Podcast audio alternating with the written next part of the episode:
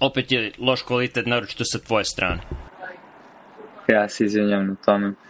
A, ok, kaži mi šta vidiš odatle da sediš. Vidim plafon, prozor, cveće, tebe, Šta vidiš kroz prozor? mrak. Mislim, ne vidim ništa naročito. Ne, sad pokušam da napravim sad ono, mizansen, ali ja sedim na terasi stanu u Pančevu i gledam na žuti mesec koji izlazi, baš je cool. A ne, ne vidim žuti mesec koji izlazi, ali vidim oblak smoga kako se kako izlazi iz, iz um, šta je to pozadi? Dimnjak neki, ne znam, šalim se. A, da, zašto je pet- Ne, pa vidi se južna zona, čak sa ovog prozora, sa drugog sprata. Izgleda kao, Pa naravno. kao Manhattan noć, vidiš onako samo dimnjake koji svetle koji izgledaju kao oblakoderi. Ima i lepe zalaske sunca, siguran sam, zbog uh, čvrstih materija u vazduhu tokom zalaska. Tač, aerosol, tako zvan. Uh -huh. Ok, Pa dobro, koja je tako- tema? O, ti, ti reci meni, kako je u Pančevu? A, stvari su se promenile, dve i po godine su prošle i sve ukupno su onako pomešanih osjećanja i, i mislim da i da mo- moja naravno percepcija svega nije ni pošto objektivna, ali ne znam ni koliko je merodavna jer je svaka percepcija jedinstvena i vezana za to ko je neko kao osoba i gde se taj neko nalazi posle Srbije. Tako da možda moji utisci nisu primenljivi na Mislim, naravno da nisu. Mislim, utisci nikog nisu prenijeli na sve ljude, ali nešto se primeti u Panču za dve i po godine je da um, neke stvari malo su onako, neodržavane i, i kao da javne preduzeća koje bi trebalo da brinu o svetiljkama na ulici, seči drveća i krošnji ne brinu i kao da ima đubreta više nego što se sećam, a opet ima nekih delova i to je sad drugi utisak nenormalno se izgrađuje grad.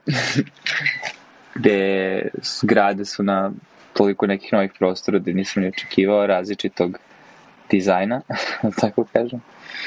I, ovaj, I to što je to verovatno sa sobom u isto vreme povuklo i gomilo automobila, tako da nikad više automobila nisam vidio u Pančevu i prvi put se parkira na divlje i Pančevo sad više potiče na Beograd u tom nekom smislu jer mnoge ulice ovde nisu dizajnirane da podnesu tu vrstu saobraćaja, a zgrade se zgrade bez očigledno dovoljno parking mesta ili isplaniranih garaža, šta ja znam.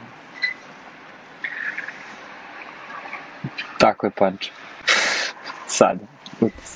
Do, vid, vidim da se arhitektura Jagodine širi. Mislim da je Jagodina prva počela sa tom. Da, Gradnjom. nagodi, ja, Od fontane, koja je bila prvi veliki projekat Dragana Markovića u Jagodini, pa do ostalih um, različitih objekata koji su polako zatrpavali sve slobodne površine. Ko u tim zgradama živi, ja ne znam. Mislim da nema Jagodina dovoljno ljudi da napuni sve te stanove, ali bitno je da postoje. Zanimljivo je to što si rekao za održavanje. Pošto smo se i mi skoro vratili sa puta, bili smo do Vegasa, nedelju dana, bilo je odlično. I ono što je zanimljivo je da, mislim, ima ruiniranih hotela itd. itd. nije bitno, ali većina hotela, naročito na onom stripu, koji su stari po 50-60 godina, sada uđeš tamo kao da su juče renovirani. Znači, jednako, ako ne i više, mislim, mnogo više para je dato na njihovo renoviranje nego na, na njihovu izgradnju. Naročito mislim na ne znam, Bellagio i Mandalay Bay, dva, mislim Bellagio je dosta star, ali je iznutra kao nov. Tako da je to ono što čini mi se nedostaje većini zgrada u Srbiji. Ja se nikad, mislim, ono, odrastao sam tamo, znači zgrada se ili gradi, tako da još uvek u sivoj fazi pod navodnicima, još uvek su tu mešalice za malter, ali ljudi u njima žive, ili je potpuno ruinirana e, opada fasada, vlaga svuda. Znači, ja se ne sećam da sam u Srbiji video neku zgradu koja je stara, mislim stara, 10, 15, 20 godina, a da još uvijek izgleda novo. To ne pamtim.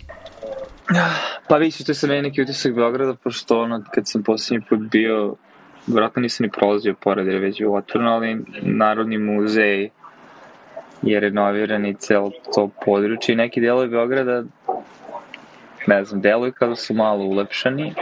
Mislim, možda mi bio najveći utisak, pošto smo bili tu dve noći i bili tu oko Dorčula, koliko je sve dobro osvetljeno. To mi isto bilo, recimo, u odnosu, i sad porediš, naravno, Beograd kao grad i šta demografski znači za tu zemlju i DC kao grad i šta on demografski znači za tu zemlju su dva različita pojma, tako da nije fair poređenje u tom smislu, ali uh, u smislu koliko ljudi živi, šeta na ulicama, živi više generacija, više to po tome Beograd posjeća malo na New York i tome koliko imaš malih lokala, kafića na ulici. Ali ovaj, možemo da poredimo nivou glavnih gradova, jer kao to treba da ti bude predstavništvo prema svetu na neki način, reprezentativni su gradovi.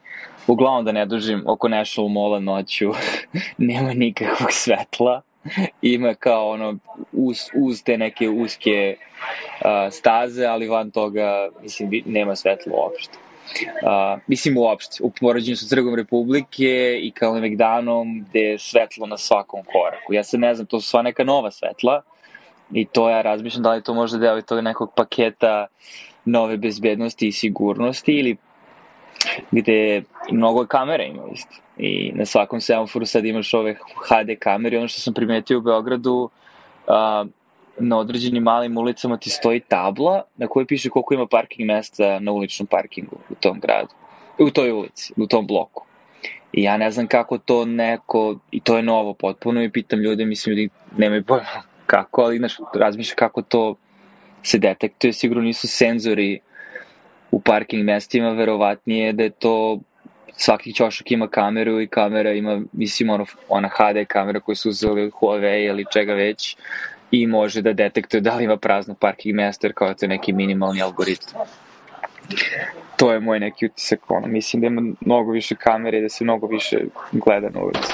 Dobro, ne bih, ne bih poredio National Mall sa Trgom Republike, mislim, da li postoji neki deo Beograda koji može da se poredi sa za one koji ne znaju, National Mall je deo DC-a koji je pun spomenika i monumentalnih zgrada koje su ogromne, koji je pun turista u toku dana, ali noću nema apsolutno nikakvog sadržaja. Tu nema kafića, restorana i nije čak ni, mislim, ni dizajneno da neko tu šeta noću. Uh,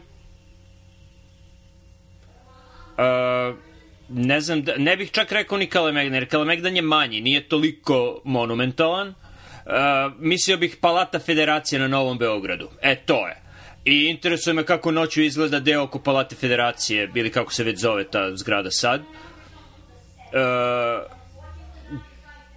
mislim, pretpostavljam da to ni sada nije nešto naročito osvetljeno i da, i da nema, nema pešaka tamo, jer mislim, šta, šta bi ljudi tamo radili noću? koje, koje funkcije. Ti si tamo da vidiš te spomenike, oni se bolje vide danju, možeš od toga da napraviš light show, ali postoji dovoljno sadržaja u DC-u i noću da se ne mora ići u National Mall. Ne znam.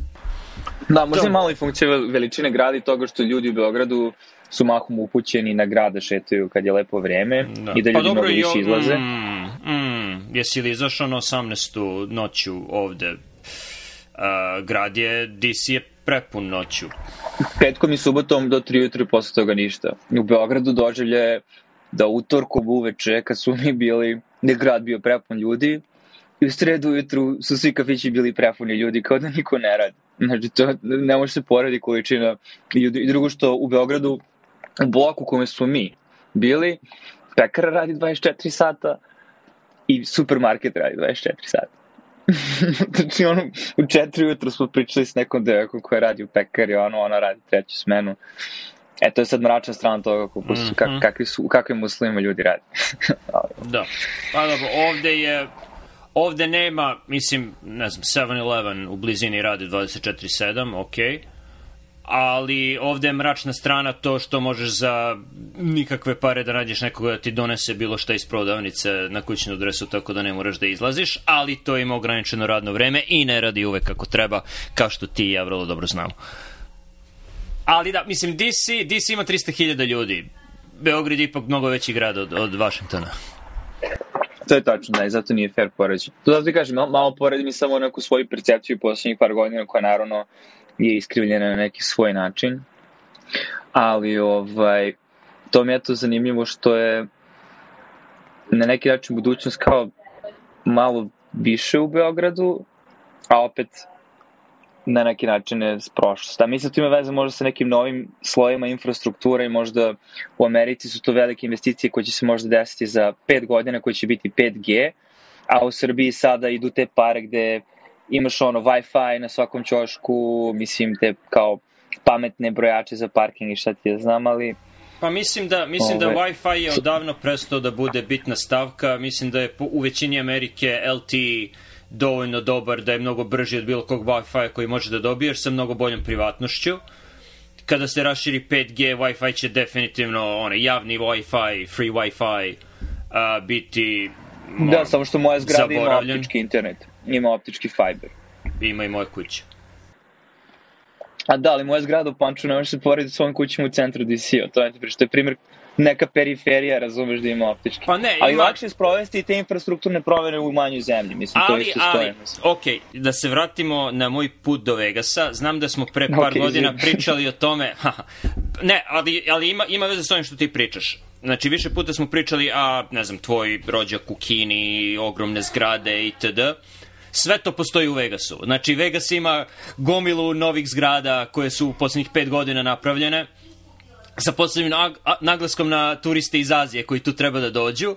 Znači, ima gomilu, ne znam, blješćićih reklama, ogromnih ekrana, sve to okej. Okay. Mislim da nije problem u Americi to što nisu sposobni to da naprave. Mislim da je stvar u Americi to što ljudima to nije toliko potrebno.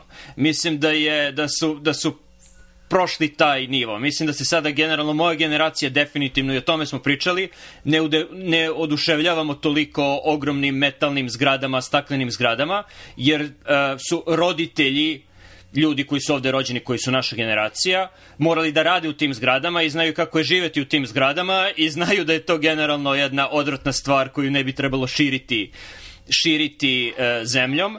Znaju da je to ok ako hoćeš da se reklamiraš kako možeš da napraviš veliku blješćiću stvar da se drugi u svetu dive, ali znaš da nije humano živeti u tim, u tim i raditi u tim tvorevinama. Tako da se sve više gradi kada su novi projekti, e, zgrade se ograničavaju na 4-5 spratova i ono mešana upotreba da su dole lokali, gore, gore se živi većina novih naselja koji se u predgrađima Vašingtona i u predgrađima većini, većini drugih gradova grade su takvog tipa, da se prave male samostalne jedinice u kojima ljudi mogu da šetaju i mislim da, da to nije stvar mogućnosti, mislim da je to stvar izbora. To što je auto toliko i dalje integrisan u živote Amerikanaca da će oni teško da se da raspetljaju od toga, to je druga stvar, ali što se tiče visokih zgrada, mogu oni, ali neće. Mislim, to je moj utisak posle boravka u, u Vegasu, gde se te zgrade prave i to su novi hoteli koji su ogromne metalne, metalno-staklene tvorevine i koji su posebno ciljani za turiste iz Azije, naročito iz Kine i Indije. Dobro, se ne znam, ne znam naš si tačno odgovarao o, o ovom pričom u smislu A slažeš s time da infrastruktura koja se trenutno gradi u Srbiji ni pošto nije funkcionalna. Znači, to, to stoje. Ja sam samo pričao o nekom tom sloju čak i malo blagi tehnologije. Ne mislim da je to nešto epohalno u smislu kao ali je dovoljno bitno samo što meni je na neki način sorry, možda to je refleksija kulture ovde, što, mnogo si više povezan sa internetom, čak i u manjim mestima. Mi se sećaš kad smo bili u Ohio da je bilo high speed internet 100 megabita po sekundi, mislim, ili koliko je već bilo. Ali može to stvari u funkciji poslovanja, sad razmišljam koliko ljudi u Srbiji, znači koji su sad tu priča ovde, ko šta radi, da bi zaradio, svi pokušavaju preko neta da zarađuju na, mislim, različite načine.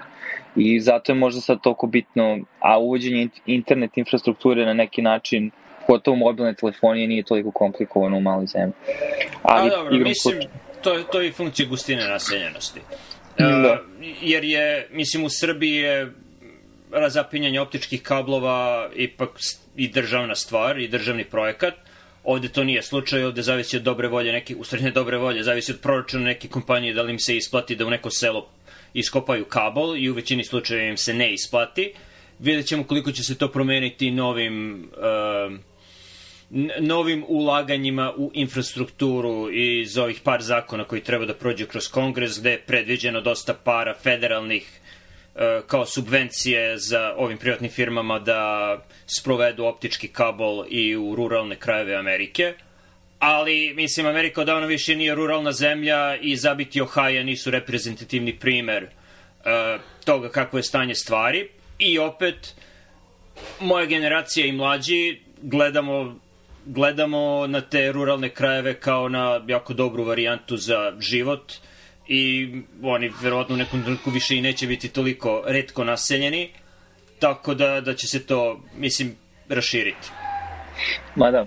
Mislim, opet, nije, nije kao da ja ne mislim da to ne postoji mogućnost i da se to neće desiti i da će u jednom trutku preskočiti, zato što ovdje ima razloga zašto će sklerozirati na tom nekom nivou nego mi samo zanimljivo poređenje, ali da, mislim, koja je poenta u poređenju, ako se izlače zaključci, ja porediš što ni babi i žabe, tako da ovaj, teško je porediti, ali ne možeš da ne, ne radiš to kada si u sredini koja delu drugačije tvoje svakodnevici, onda imaš ono, mehanizme reagovanja i to isto, u stvari dovoljno dugo nisam bio, mislim da bi ti isto to jako shvatio na sličan način, odnosno M nisi bio još duže, um, je da ne shvatiš na koje načine ti ne funkcionišeš više kao ljudi ovde kako funkcioniš i da moraš da se preorijentišeš u danima koji si ovde jer si poprimio obrase ponašanja druge kulture.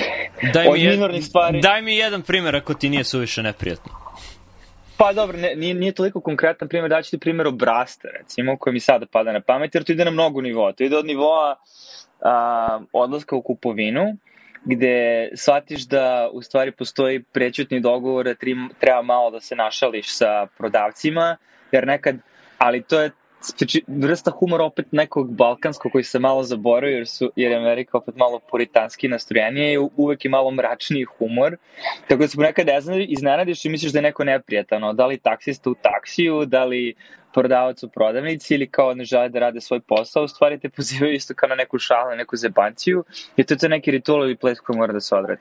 Evo, na primjer, danas, išao sam, ne znam, da kupim nešto i ulazim u prodavnicu i vidim neka žena pomera nešto kao skrozi u crnom, ali nema nikakve sad uniformu, ali vidim da nešto premešta objekte, mislim, stvari, tako da reko možda radi. Ja pitam, izvinite, ali vi radite? Sam imao pitanje. Kaže, ne, ne, eto, tako sam volim da razgledam. da razmešta, znaš. I to je sad bila ta kao malo fora koja kao malo kao, ali ona se to rekla sa osmehom i onda kao ja sam mora kao, ha, da, da, da. Mislim, to ti je konkretan primjer, ali toga ima na svakom nivou, u svakoj interakciji, ali onda što je sledeći sad nivo što takve neke interakcije u malo drugačijem obliku postoje kad treba da završiš nešto u nekoj instituciji gde su ti oni vratari. E, to je sad ono moment gde ti nije baš prijatno da moraš da slušaš nečiju priču zato što želiš da im udovoljiš, da bi njima ne bi bilo teško da kliknu dugom na kompjuteru da bi uradili nešto što im je posao. A rade od 9 do 1, a imaju pauzu sa strankama, a pauze od 10 do 10 i 30. I onda im nije jasno kao što, što, i pitaju se što ti ideš u tu Ameriku, kao, što to nije mnogo ljudi radi, tamo, ja, mislim, i onda ja shvatim da u stvari ova zemlja za mnogo ljudi jeste sjajna zemlja za život. Samo, I to shvatiš malo isto razliku kako si si ti promenio ili kako si možda i bio drugačiji. Mislim, ima takvih ljudi i ovde, samo što takvi ljudi ovde pate. I to je ono što me malo deprimira, što ovde kvalitetni ljudi moraju da naviknu da budu manje uspešni, da ne bi upadali u oči drugih i onda uglavnom moraju da nađu neke mikrosfere ili da polude skroz ili da se ogreznu u svemu tome. Mislim, i, i onda postaneš nešto što možda nisi hteo. I onda imaš gomilu mnogo kvalitetnih ljudi koji rade, žive neke tako male živote zato što nemaju priliku da se izdignu izvan trave koje se seče ili kako već koja je već metafora ovaj, crab bucket mentality, tako vam šicrkne krava, itd. Ili mogu da odu? To je, mislim, opcija koja je prećutna opcija, koja je, mislim, da, najočiglednija opcija. Da. To su te tri opcije, neke četiri. Mislim, ako ni zbog čeg drugog, onda da na tebe ne bi gledale Huawei kamere 24-7 širom Srbije. Pošto... A te kamere beleži da li si stao na stop, da li si stao pešaku, jer ako ne, dobiješ kaznu direktno na kućnu adresu. A ovaj, ali zato ti je grad i zemlja najzagađeniji u Evropi. to uh, insistiranje na u nekim slučajima jako glupim pravilima saobraćaja za pešake dok se ono na, na makronivou masovno pljačka, to mi je najveći idiotizam. Mislim da nije vrhunac civilizacije da svi staju na crveno svetlo. U, ovde to zavisi od grada do grada, ne samo od države do države. U DC je, na primer, legalno da pešak pređe van pešaškog prelaza ili da pređe na crvenu ulicu ako to ne ometa autosaobraćaj. Znači, niko ti ne piše kaznu, to je sasvim dozvoljeno, to je sasvim okej. Okay i zato su vozači generalno jako pristojni i vode računa i niko ne ide, znači ako ideš 5 milja preko, preko dozvoljene granice, to je ono brzo, pomaže što su kamere koje te uhvate u, u brzoj vožnji Ali ovdje ljudi guste. još više paze na ograničenje. To je isto što sam primetio. I čak na autoputu i na magistralom. To je super, to je dobro. No. Ali, ali, ali to je okej, okay. ali ne mislim da je da ti sad mučiš pešake ako je ono očigledno da nema saobraćaja i crveno je svetlo na semaforu, nisi ti ništa civilizovaniji ako pređeš i ako ne pređeš, čak mislim da e, pokazuješ malo više samosvesti ako pređeš na crveno, ako, je očig, ako dobro poznaješ semafor i znaš da nema automobila i ako je pregledan put, mislim, čemu, čemu to iživljavanje da ti neko naplaćuje kaznu? E, pa to je ono, sad ne znam da li ti kažeš, nije ti jasan taj idiotizam u smislu zašto ljudi to rade ili u smislu ono, Ne, nije mi jasno da zašto, ne... je, zašto je u Srbiji to primer uh, visoke civilizacije. Zašto nije, je u Srbiji... nisam ga ni koristio. Nisam ga ni koristio kao primer visoke civilizacije. Okay. Ali mi je, mislim, u smislu kamere jesu, ali način na koji se koriste nije. Mislim, to hoću da kažem. U smislu, i nije čak ni primer visoke civilizacije, nego samo nekog noviteta koji, mislim, ono, samo mi gleda, izgleda kao ono, segmenti budućnosti koji će se potencijalno desiti svuda, mada mi je drago što Americi će se možda desiti poslednji s na... Ovde se neće desiti, ovde ako neko stavi te kamere, bit će uništen u roku od 5 dana. To, to. to, da, da. To, to, to, to ono kad malo upoznaš društvo u kome živiš, da. Ali, ovaj, ali ono, ono što sam teo da kažem mislim da u Srbiji to služi jako dobru funkciju. Jedna funkcija je opresija stanovništva, druga funkcija je dalje ubireš malo harača od siromašta. Mora da dodam, ovde, us, ovde postoje kamere, ali to su kamere, mislim, ja mogu da stavim kameru u dvorište i da snimam i to je moja kamera, nije povezana ni sa čim osim sa mojim telefonom. Uh, Tako da te kamere postoje, ali ne postoji mreža kamera koja je povezana za servere strane države koja detektuje lica i i kojom neko koga ne znaš može da, da te prati. Hmm. Ali viš, mislim, mislim da polako i privodim kraju, ne bi da davim previše, ali ono, ima i više utisak, ali nekako sve, sve se podloči pod taj neki kao ili ne sve, ali većina ili dobar deo, neki taj mešoviti utisak gde neke stvari su mi mislim, mogu da vidim pozitivnu stranu te stvari, ali onda to sa sobom vuče neke negativne posledice i onda shvatiš pitanje ono trade-offova u principu šta, za, na što si spreman. Jer, znaš, imaš recimo jedan primjer koji je bio jasan ovde ono što shvatiš i zaboraviš koliko su ljudi upućeni ovde jedni na druge. I s jedne strane to može da bude meni to prvo bilo kao, ja, porodica mi pita sad za svaku stvar, kako se osjećam, da li želim, gde idemo, planiramo i sve se planira na mikronivou, zato što je na neki način sve i bliže, ali za pet minuta idemo tamo, za 15 minuta od, znači vreme živi se na mnogo kraćoj razini, u smislu, skočimo do ovoga, idemo do ovoga, a u isto vreme ljudi stalno komuniciraju jedni s drugima, mnogo, i sad, dobra strana svega toga je što ti ljudi pogotovo članovi porodice su na neki način podrška, socijalna podrška, dele tvoje probleme sa tobom. Loša strana toga je što su ti ljudi tvoja socijalna podrška i dele tvoje probleme sa tobom. se znaš, imaš više načina na koje to možda posmetraš. To primećam da definitivno u sjednim državama mislim da smo mi malo postali takvi. Mislim, imamo, evo ti dobar primjer toga ti tvoja selidba. Znači, mi smo ipak doneli neki deo srpske kulture, iako nismo morali, ali smo se preselili, mislim, ono, ti si mene selio koliko puta i sad ova posljednja je bila vaša selidba, da su mi onaj deo koji smo mogli odradili bolje nego što bi odradili ljudi da se ih platio. Ali ono, ne, ti nemaš ortaka koji ima kamion zato što radi za kurirsku službu, pa će onda ti doveze kamion, pa će oni da utovore te kamion, razumeš? E, to je bilo selidba mog brata gde je svaki segment svega toga što bi ti zakupio ili platio, maksimum bilo iskorišćena tvoja mreža ljudi oko tebe. I to je stvari možda kako ta robna novča razmena je i drugačije ovde što, mislim ko što možda i um, ovaj, Branko Milanković priča o kapitalizmu ovaj, alone, capitalism alone, um, da ono se mik, u američkom društvu sve više se ono svake mikrotransakcije se broje znači ono carpooling, car sharing i sad ono Venmo i ne znam što je ono, više nemaš ni da častiš nekog ručkom ili pićem, nego ti neko odmah pošalje za sve, emotivni rad se naplaćuje. E to da mi dela da i dalje se nije desilo u smislu, imaš gomilu uslužnih delatnosti, nema potrebno shvatiš da ti ono, zarađuješ pare, ali što se tiče gomile stvari oko tebe, oslanjaš se na, na, na, na ljude oko sebe. Ovaj. Dobro, mis, mislim I, i oni da ti to je... ne naplaćuju, samo i ti njima duguješ. Mislim, to je. Znači... A, to je tipično ono individualističko društvo, kolektivističko društvo, da. Amerika je individualisti, u Srbiji je kolektivizam, uh, u azinskim zemljama je uglavnom kolektivizam, Zapadna Evropa i Amerika su individualne, ok.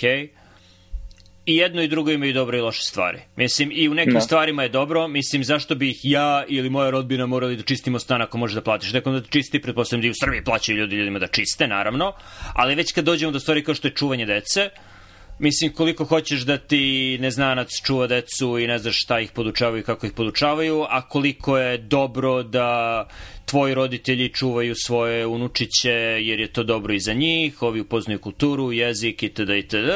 A koliko je onda sa neke strane izrabljivanje tvojih roditelja da, da se mrcvare čuvajući decu kad možeš da platiš nekog da ti čuva. Tu postoji neka no. Da. granica i naravno na, na posebnom nivou da plaćaš nekoga za emocionalnu vezu i to, to, je, to je već. Mada ljudi kažu zašto bih ja morao da smaram roditelja o svom emotivnom životu kad mogu da platim psihijatra. I ovde je generalno psihijatrija toliko razvijenija jer ljudi nemaju sa kim drugim da pričaju. Tako da moraju da plati, pla, plaćaju psihijatra da, da pričaju sa njim. To, mislim, mislim da su to sve međuzavisni činjenici koji hrane jedni drugi, ni ono, kokoška i jaje manje više, jer jedan se saživljava sa drugim, ali i baš taj glavni zaključak ono trade-offs i da ti prepoznaš u sebi koje si trade-offove spreman da napraviš, neki su veći, neki su manji, ali svi ukupno čine sliku nekog društva u kome živiš. Da, i to te čini, ovo će biti tema možda za neko od sledećih epizoda, upravo sam pročitao knjigu Uticaj, Influence, Roberta Caldinija, koju je napisao pre 30 godina, sada je izašlo drugo izdanje koje je ono, sveže sa, sa novim materijalom i ako spadaš u kolektivističko društvo, jako spadaš pod uticaj toga da si primoran, ne, ne, ne ni primoran, nego imaš automatizam da ako vidiš druge ljude u, tvoj, u, tvoj, u svom plemenu da rade nešto, po, umat, po automatizmu ćeš ti raditi to isto, tako da si podložan uticajima sa te strane. Ako neko identifikuje koja si ti grupa i kaže ti, e pa svi rade to, ti ćeš automatski krenuti da radiš to ako ne, ne staneš i razmišljaš, tako da ljudi mogu da utiču na tebe na taj način. U Americi manje, mada i ovde tribaliz, tribalizma ima sve više, ali ovde je, ako si individualista, onda će ljudi reći, aha, pa ti si takav, znači identifikuju koju se kategoriju svrstavaš, tako da je konzistentno sa tim da svi koji spadaju u tu kategoriju rade to, da, znači ti si, ne znam, ti si lovac, zar ne, zato ćeš kupiti ovu pušku koja je bolja od tvoje stare puške, ili, ne znam, ti si ribolovac, zar ne, zato ćeš kupiti ovu bolju peceljku, ti si osoba koja voli da ide na putovanja, zato ćeš se, ne znam, pretplatiti na ovaj timeshare, pričat ćemo o tome, to je bilo zanimljivo iskustvo. Tako da, mislim, ima, ima loših stvari i sa jedne i sa druge strane. Nije, nije američki individualizam superiorni u odnosu na, na kolektivizam no. i u situacijama kao što je pandemija ili velike nesreće, čak i možda i bolje biti kolektivista, ako vođa kolektiva zna šta radi. Što je jedno veliko ako. Molim te, nemoj da nazoveš ovu epizodu individualizam ili kolektivizam. Jer niko neće slušati. Nazovi je Srbije. Hvala.